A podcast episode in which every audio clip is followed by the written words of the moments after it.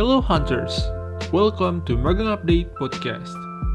Di sini kita akan membicarakan karir, pengembangan diri, dan hal seru lainnya. Good day Hunters, welcome back to Magang Update Podcast. Gimana nih kabarnya Hunters? Semoga sehat selalu ya. Jalan-jalan sama Mayang, tak kenal maka tak sayang. Kenalan dulu yuk.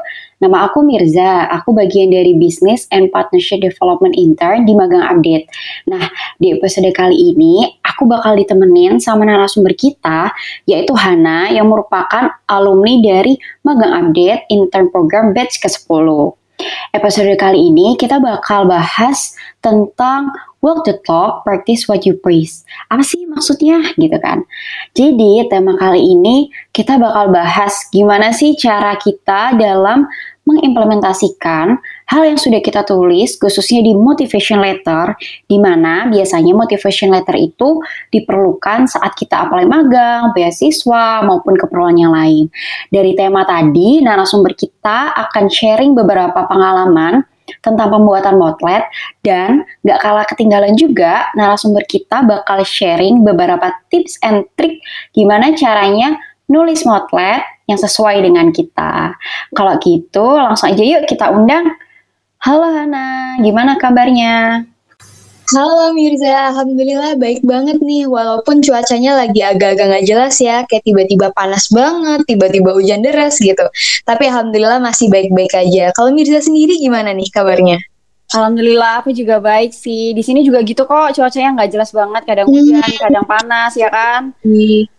Iya, nah uh, kalau boleh tahu nih, Hana sekarang kesibukannya apa aja sih? Oke, jadi mungkin aku perkenalan dikit dulu nggak apa-apa kali ya Mirza. Oh, jadi iya, iya. Hana Putih Ramadina, tapi bisa dipanggil Hana aja. Nah, saat ini kesibukan aku selain jadi mahasiswa semester 5 yang agak-agak aduh semoga bisa bertahan gitu ya Bun. Aku juga iya. join beberapa organisasi nih, hmm. yaitu ISEC dan juga FPCI. Dan memang untuk saat ini aku belum lanjut magang lagi karena memang ya mungkin belum rezekinya aja kali ya.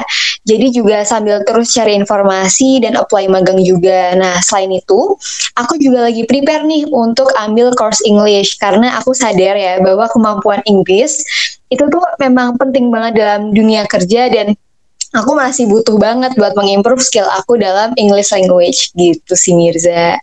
Wah, sibuk juga ya. Dan tapi masih bisa bagi waktu gitu antara kuliah dan kegiatan lainnya. Alhamdulillah. Alhamdulillah. nah, uh, BTW, aku mau bilang makasih juga uh, buat Hana yang udah mau ngisi podcast kita kali ini. Ih, justru aku yang makasih banget dong karena udah mau mengundang aku gitu ya, yang kayak bukan siapa-siapa terus tiba-tiba ditawarin kayak kayak seneng banget gak tuh. Oh iya. Nah oke, okay. aku mau nanya nih uh, hmm. buat Hana, kalau boleh tahu boleh. gimana sih ceritanya dulu bisa sampai magang di magang update gitu? Jadi awal mula aku bisa magang di magang update itu sebenarnya karena aku lihat teman aku ada dia dulu juga part of BD ya Web 10 dia tuh upload Wibon. Nah kemudian setelah itu aku research kan wah ada nih ternyata uh, magang update lagi buka uh, internship opportunity. Terus kayak aku mikir, kayak coba aja gak sih, kayak bagus gitu buat pengalaman pertama magang. Jadi kayak why not, you got nothing to gitu. Nah setelah itu aku juga mengikuti beberapa tahapan ya yang aku rasa Mirza Mirza juga paham kayak gitu tahapannya apa yeah, aja. Yeah. Dan akhirnya ya akhirnya dikasih kepercayaan dan kesempatan sama Kak Fahri untuk jadi project manager di Web 10 kemarin selama tiga bulan. Kurang lebih begitu sih uh, cerita di balik kemarin bisa magang di magang update. Oh iya ya oke okay, oke okay. keren sih. Nah kalau uh, Hana tahu ya ya kita semua tahu. Mm -hmm. di magang update kan ada beberapa tahapan tuh ya pasti mulai dari berkas interview dan lain-lainnya. Salah satunya itu ada membuat uh, motivation letter ya kan? Nah kalau boleh nih Hana sharing dong ke kita gimana sih pengalaman waktu nulis motivation letter Hana saat apply MUIP gitu? Apakah kesulitan atau lancar-lancar aja gitu Oke, okay, thank you banget ya Mirza buat pertanyaannya. Jadi mungkin aku sambil jelasin secara singkat gitu ya mengenai apa itu motivation letter. Jadi aku rasa mungkin beberapa hunters di sini udah nggak asing lagi nih sama motivation letter karena sering banget gitu dijadikan berkas persyaratan saat kita mendaftar sesuatu. Nah, jadi motivation letter ini adalah surat yang menjelaskan mengapa kamu sebagai pelamar akan menjadi kandidat yang paling tepat untuk program yang sedang kamu lamar. Nah, kalau dari pengalaman aku sendiri, aku membuat motivation letter itu pada saat mendaftar beasiswa dan juga kegiatan magang termasuk pada MUIP 10 kemarin. Nah, uh, kemarin lancar apa enggak? Jujur, alhamdulillah lancar gitu karena uh, memang kalau misalkan menulis motivation letter kan itu uh, butuh banyak latihan ya. Dan sebelum-sebelumnya memang udah sering nulis motivation letter kayak gitu. Jadi sebenarnya uh, motivation letter ya intinya tuh gitu-gitu aja gitu sih paling. Oke, alhamdulillah lancar ya berarti ya waktu nulis. Alhamdulillah bun. Nah, uh. Alhamdulillah. Nah, uh, untuk Hana sendiri tadi aku dengar sempat nulis uh, motivation letter buat beasiswa ya? Iya, yep, betul banget. Itu beasiswa apa ya kalau boleh tahu? Waktu itu daftar beasiswa Jarum. Oh gitu, Hana boleh dong sharing ke Hunters di rumah uh, ada nggak sih bedanya nulis motivation letter untuk beasiswa sama motivation letter untuk apply magang? Oke, jadi thanks banget ya Mirza buat pertanyaannya. To be honest, nggak ada perbedaan yang signifikan sih antara motlet yang digunakan untuk beasiswa dan juga untuk mendaftar magang. Bedanya apa? Bedanya adalah di latar belakang atau pembuka atau tujuannya gitu. Jadi kan pada saat motivation letter itu kan menjelaskan motivasinya kita gitu. Kenapa kita ini harus bisa diterima seperti itu. Jadi alasan apa sih yang bikin kita tertarik untuk mendaftar seperti itu? Nah, kalau misalkan pada mendaftar beasiswa kemarin, itu tujuannya adalah kayak aku menyebutkan bahwa yang mengenai kondisi pendidikan di Indonesia dan bagaimana pendidikan Indonesia harus bisa maju ke depannya dan melalui dengan cara pendidikan yang rata seperti itu. Nah, kemudian kalau misalkan pada saat mendaftar magang kemarin, itu aku motivation letternya bisa memberitahukan bahwa jumlah pengangguran Indonesia yang dikarenakan eh, orang-orang yang belum punya skill seperti itu. Jadi makanya kenapa sekarang banyak program magang karena salah satu tujuannya adalah supaya untuk mengurangi angka pengangguran gitu. Jadi kalau misalkan tips dari aku sendiri pada saat kita buat motivation letter itu cari alasan yang di luar gitu, yang kira-kira ini bisa berdampak bagi banyak orang, bukan cuma masalah oh aku mau cari pengalaman, oh aku mau cari apa. Karena kalau misalkan kayak gitu takutnya malah kita dianggap sebagai orang yang self-centered gitu. Jadi kayak everything is about us gitu. Padahal kayak ya dunia nggak berputar di kita kan. Jadi kayak it's better kalau misalkan nulis motivation letter, cari alasan yang lebih luas seperti itu. Oke, wah keren banget Hana jawabannya. Berarti dari Thank you.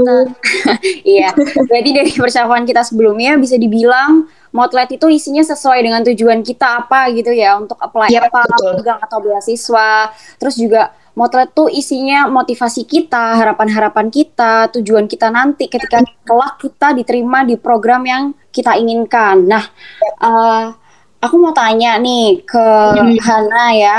Ya, uh, gimana sih cara Hana untuk uh, merealisasikan apa yang sudah Hana tulis di Motlet, terutama bagian tujuan ya gitu. Gimana gitu? Oke, okay, thanks for the question ya. Ini jujur pertanyaan menarik banget karena sering kali orang mungkin pada saat nulis motivation letter itu muluk-muluk banget kan. Jadi dia takut nih nggak bisa memenuhi ekspektasi yang udah dia tulis sendiri. Nah, paling kalau misalkan bicara dari pengalaman aku ya, pada saat kita menulis motivation letter, itu bisa dibuat lebih realistis. Tujuan motivation letter sendiri kan sebenarnya untuk menunjukkan seberapa besar sih motivasi dan semangat kita untuk bisa diterima di posisi yang terkait. Jadi, di samping kita ngebuat motivation letternya menarik, tapi juga realistis kayak gitu. Walaupun mungkin sebenarnya pada saat nanti kita diterima, perusahaan juga nggak akan compare dengan motivation letter yang udah kita buat di awal ya. Kayak misalkan di Mirza kemarin ya, kan ditanyain motivation letter. Kemudian uh, pada saat sudah diterima nggak mungkin kayak, eh kayaknya kamu di motivation letter nulis begini, tapi kok nggak kayak gini gitu. Sebenarnya perusahaan nggak nyampe di tahap itu juga sih. Nah, hmm. cuma uh, uh, biasanya motivation letter kan juga hanya digunakan untuk berkas awal. Hmm. Tapi dari editor sendiri juga pasti bisa menilai gitu mana motivation letter yang memang serius dan jujur dan mana yang memang cuma asal dibuat aja gitu. Jadi kayak uh, HR tuh pasti udah sering banget kan ya ngebacain motivation letter. Dia bisa ngebeda ini mana motivation letter yang emang dia lebay banget tapi poinnya nggak ada, tapi ada juga yang kayak to the point tapi kayak ya secukupnya aja gitu sesuai sama porsinya. Gitu sih paling tips dari aku. Oh, wah, jawabannya menarik sekali ya. Selanjutnya mungkin Hana bisa nih sharing ke hunters di rumah gimana sih cara membuat motivation letter yang menarik di mata para HR. Silahkan. Oke, okay, thank you banget Mirza buat pertanyaannya. Jadi, kalau aku sendiri nih ngebuat motivation letter, hal pertama yang aku lakukan, pasti aku research secara mendetail mengenai posisi atau perusahaan atau program yang sedang aku apply. Ini menurut aku salah satu hal yang paling penting banget, karena pada saat melakukan ini, ini apa ya, ini tuh bisa membantu kita pada saat nanti mengisi motivation letter di bagian isi seperti itu. Nah, pada saat kita melakukan hal ini kita juga bisa mengeluarkan kemampuan stalking kita ya. Jadi kayak ya pinter-pinter aja deh kalian mencari informasi seperti itu. Nah selanjutnya kalau motivation letter sendiri kan strukturnya ada tiga bagian ya nih Mirza.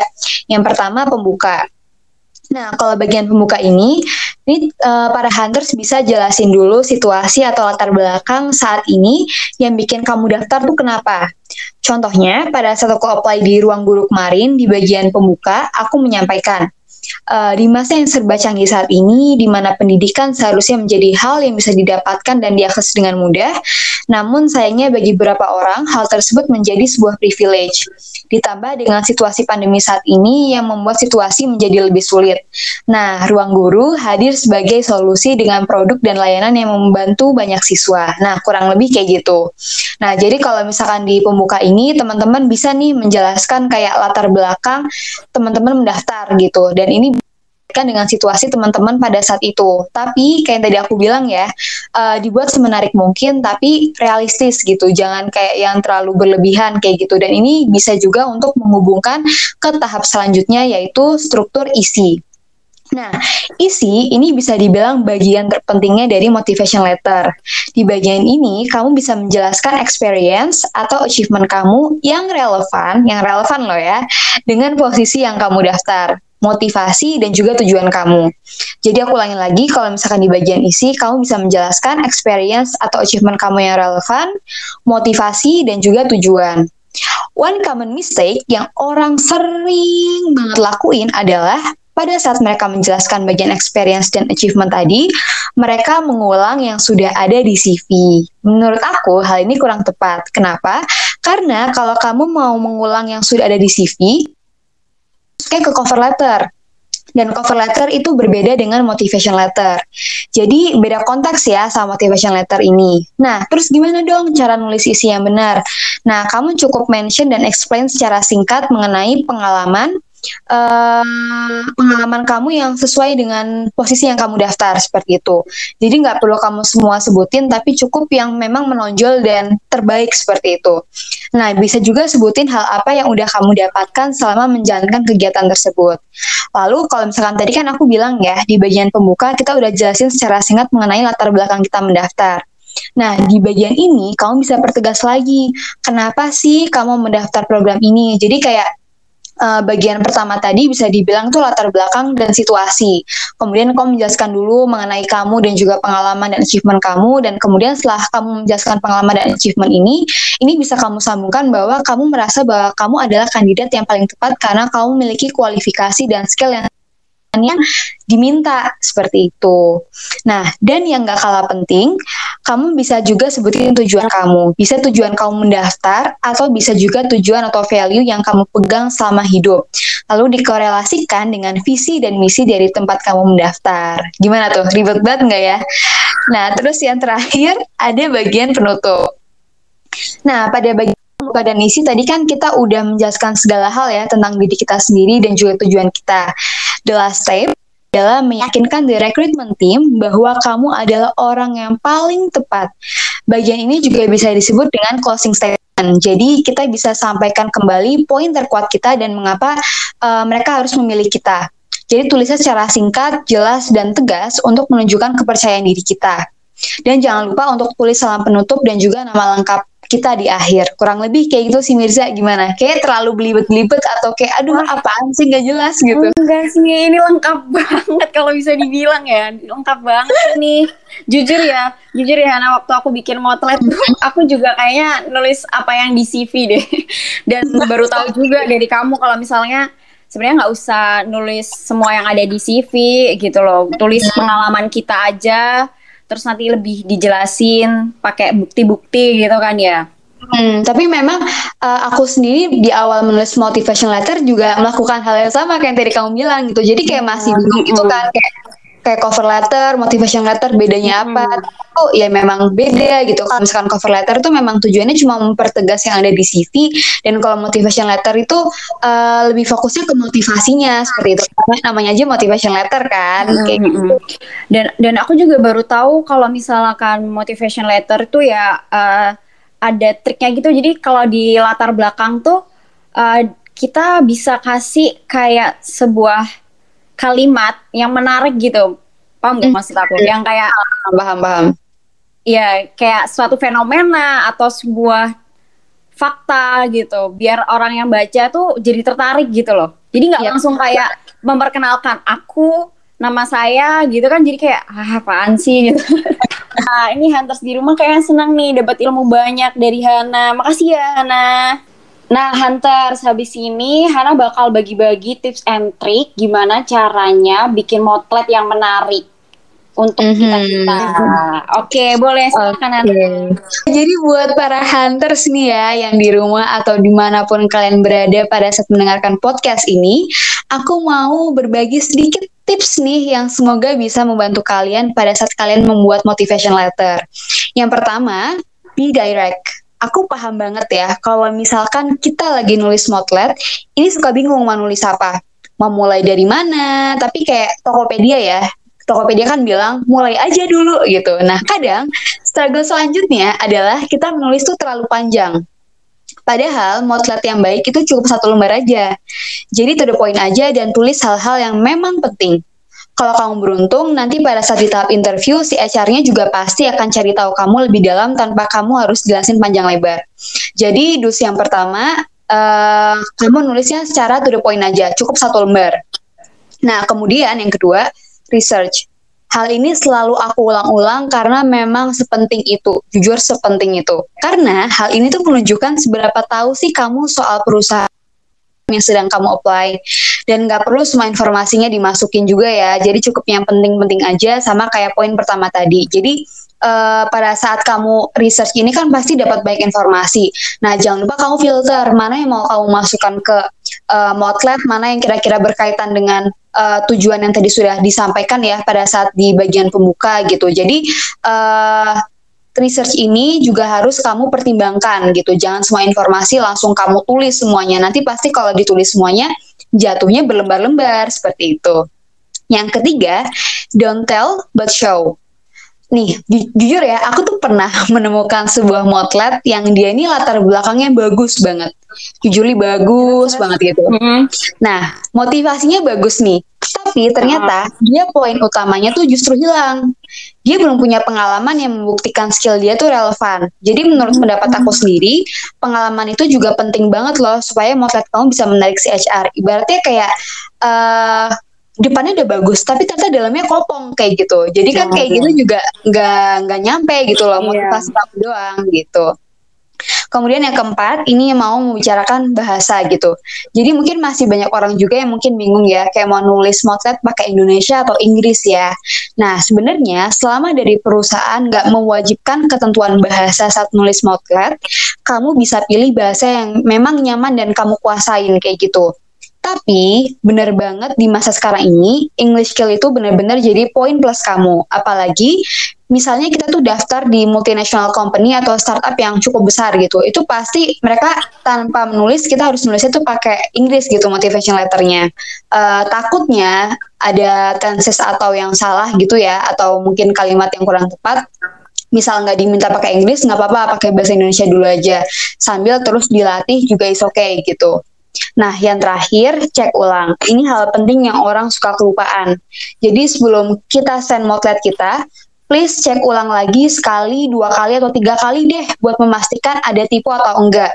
Nah, ini juga bisa ngecek format nama filenya dia benar apa belum gitu. Karena uh, mungkin tipe tuh hal kecil yang nggak terlalu dipentingin kayak gitu ya. Cuma kayak ya better zero mistake nggak sih pada saat kita mengumpulkan yeah. motivation letter gitu. Oke, okay, jadi berdasarkan penjelasan aku tadi ya yang udah berbusa-busa banget. Aku mau simpulin do and dance-nya kayak gitu ya saat kita membuat motivation letter. Jadi do-nya teman-teman tuh the point aja gitu. Jadi nggak usah terlalu bertele-tele, nggak usah terlalu banyak cang-cincong, langsung aja to the point kayak gitu. Yang kedua, research kayak gitu. Karena research ini menunjukkan bahwa kita tuh seberapa udah uh, cari tahu sih mengenai program dan perusahaan yang udah kita apply seperti itu. Dance-nya teman-teman itu nggak menuliskan pengalaman yang relevan seperti itu. Menurut aku tuh uh, jadi poin minus sebenarnya kayak gitu. Jadi kayak sayang banget misalkan kita udah ngebuat latar belakang dan tujuan yang bagus, tapi justru kita nggak punya skill yang mumpuni kayak gitu. Dan dons yang terakhir kita kelupaan buat ngecek kayak gitu. Karena menurut aku cek ulang ini penting banget karena aku seri, aku pernah juga nemuin kayak file yang uh, nama filenya tuh Bismillah, semoga ini berhasil kayak gitu. Jadi kayak, waduh, kayak kocak nggak sih kayak iya. gitu. Jadi kayak, jadi kayak iya, nama folder, iya nama folder dan juga ketentuan jenis foldernya, formatnya apa itu juga penting ngikutin sama yang di requirement seperti itu. Kurang lebih kayak gitu sih dari aku Mirza. Oke, makasih ya Nah penjelasannya lengkap banget. Sama-sama. Makasih Terus pada waduh iya ya harusnya aku ngelakuin ini ya harusnya aku nggak hmm, benar, benar benar. Benar-benar bermanfaat banget ilmu-ilmunya. Aku mau nanya Hana sebenarnya ini pertanyaan yang terkadang orang nggak terfikirkan gitu ya. Hmm. sebenarnya tuh di motivation letter sendiri tuh uh, paragraf yang baik itu kita nulis berapa paragraf sih? Gitu. Okay. Apa tiga cukup, empat cukup, atau dua aja gitu? Oke, okay, jadi mengenai paragraf ya, ini berdasarkan pengalaman aku sendiri. Kalau aku menulis motivation letter, paragrafnya tuh kurang lebih ada uh, lima kayak gitu. Jadi paragraf yang pertama itu adalah pada saat kita menulis bagian pembuka gitu. Kemudian paragraf kedua ini udah masuk ke bagian isi di bagian yang pada saat kita menjelaskan mengenai diri kita sendiri dan juga skill yang kita miliki dan relevan. Itu paragraf kedua. Paragraf ketiga itu adalah kita menjelaskan lagi motivasi yang kita pertegas gitu dari pada saat tadi sudah ditulis di pembukaan dan juga dihubungkan dikorelasikan dengan uh, pengalaman yang kita miliki itu paragraf 3. Okay. Paragraf 4 itu kita menjelaskan mengenai tujuan yang kita punya yang pengen kita capai dengan cara mengikuti program ini kayak gitu atau bisa juga dengan value yang kita miliki. Jadi bisa dibilang bagian isi ini ada tiga paragraf sendiri. Kenapa aku ngebuat tiga paragraf? Karena biar dibacanya tuh lebih enak gitu loh.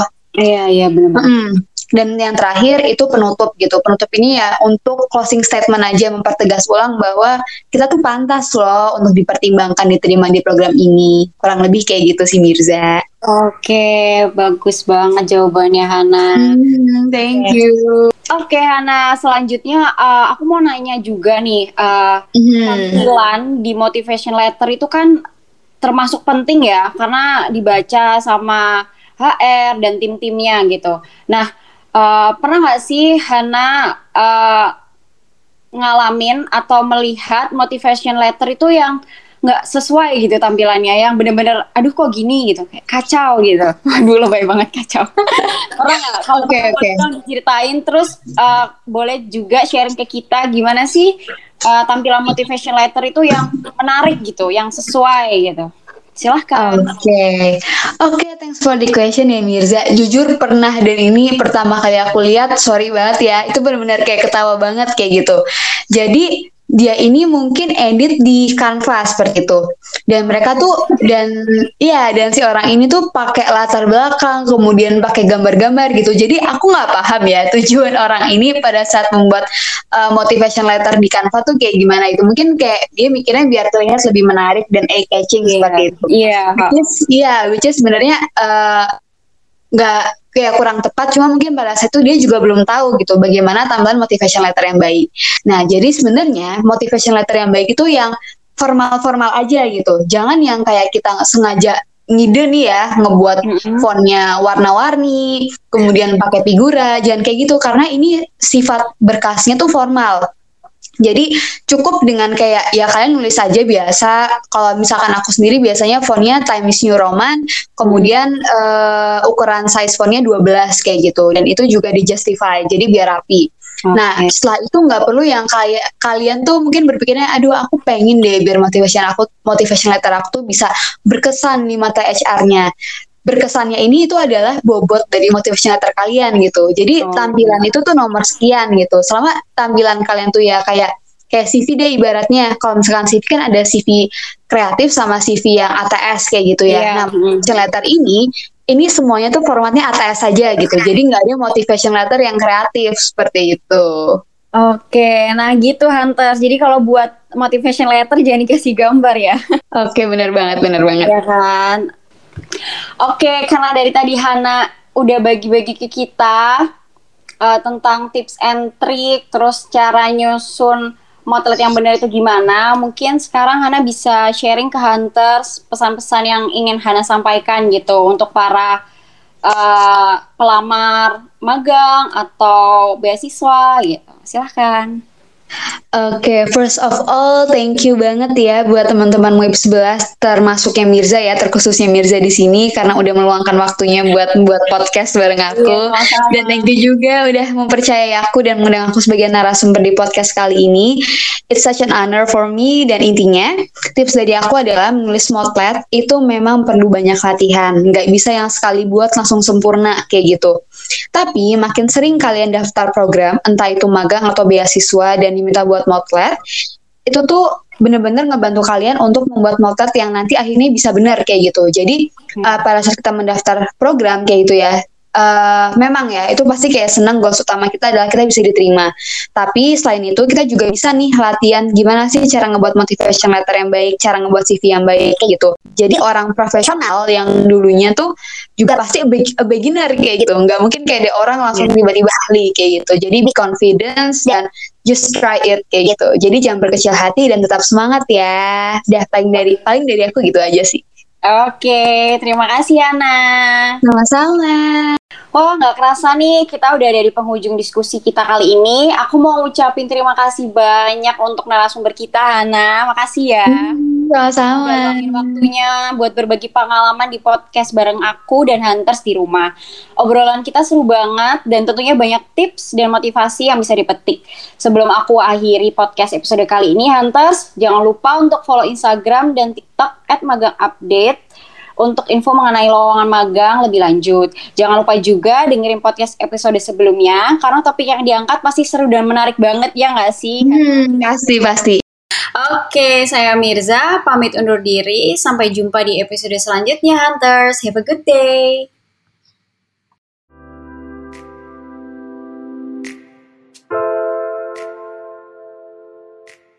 Thank you Hunters telah mendengarkan podcast Magang Update. Jangan lupa play episode lainnya dan tunggu episode baru lainnya di Magang Update Podcast.